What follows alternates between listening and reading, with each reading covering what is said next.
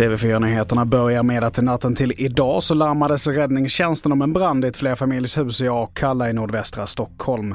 Väl på platsen kunde man konstatera att det brann i ett soprum och att det hade blivit rökspridning i fastigheten. Polisen har nu inlett en förundersökning om grov mordbrand och fem personer ska ha fått lättare rökskador. Vidare till Malmö där det kommunala bostadsbolaget MKB ju nu gör ett nytt försök att vräka en familj med två vuxna söner som kopplas till grov organiserad brottslighet. Tidigare har MKB fått avslag i hyresnämnden. Samtidigt så har regeringen nu tillsatt en utredning om kriminella familjemedlemmar ska kunna leda till vräkning. Och så här säger familjens ombud och advokat Karl Öberg. Jag har på uppdrag av mina klienter bestridit den här uppsägningen.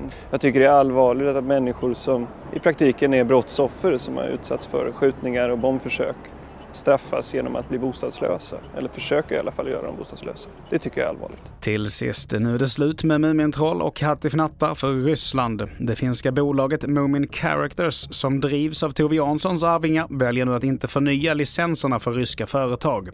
Detta innebär att det inte längre får tillverkas produkter med de populära sagotrollen i landet. Fler nyheter hittar du på tv4.se. Jag heter Mattias Nordgren.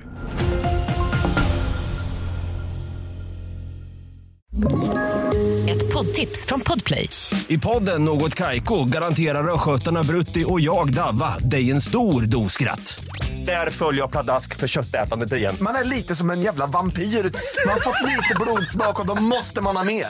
Udda spaningar, fängslande anekdoter och en och annan arg rant. Jag måste ha mitt kaffe på morgonen för annars är jag ingen trevlig människa. Då är du ingen trevlig människa, punkt. Något Kaiko, hör du på Podplay. Därför arkadeinerna.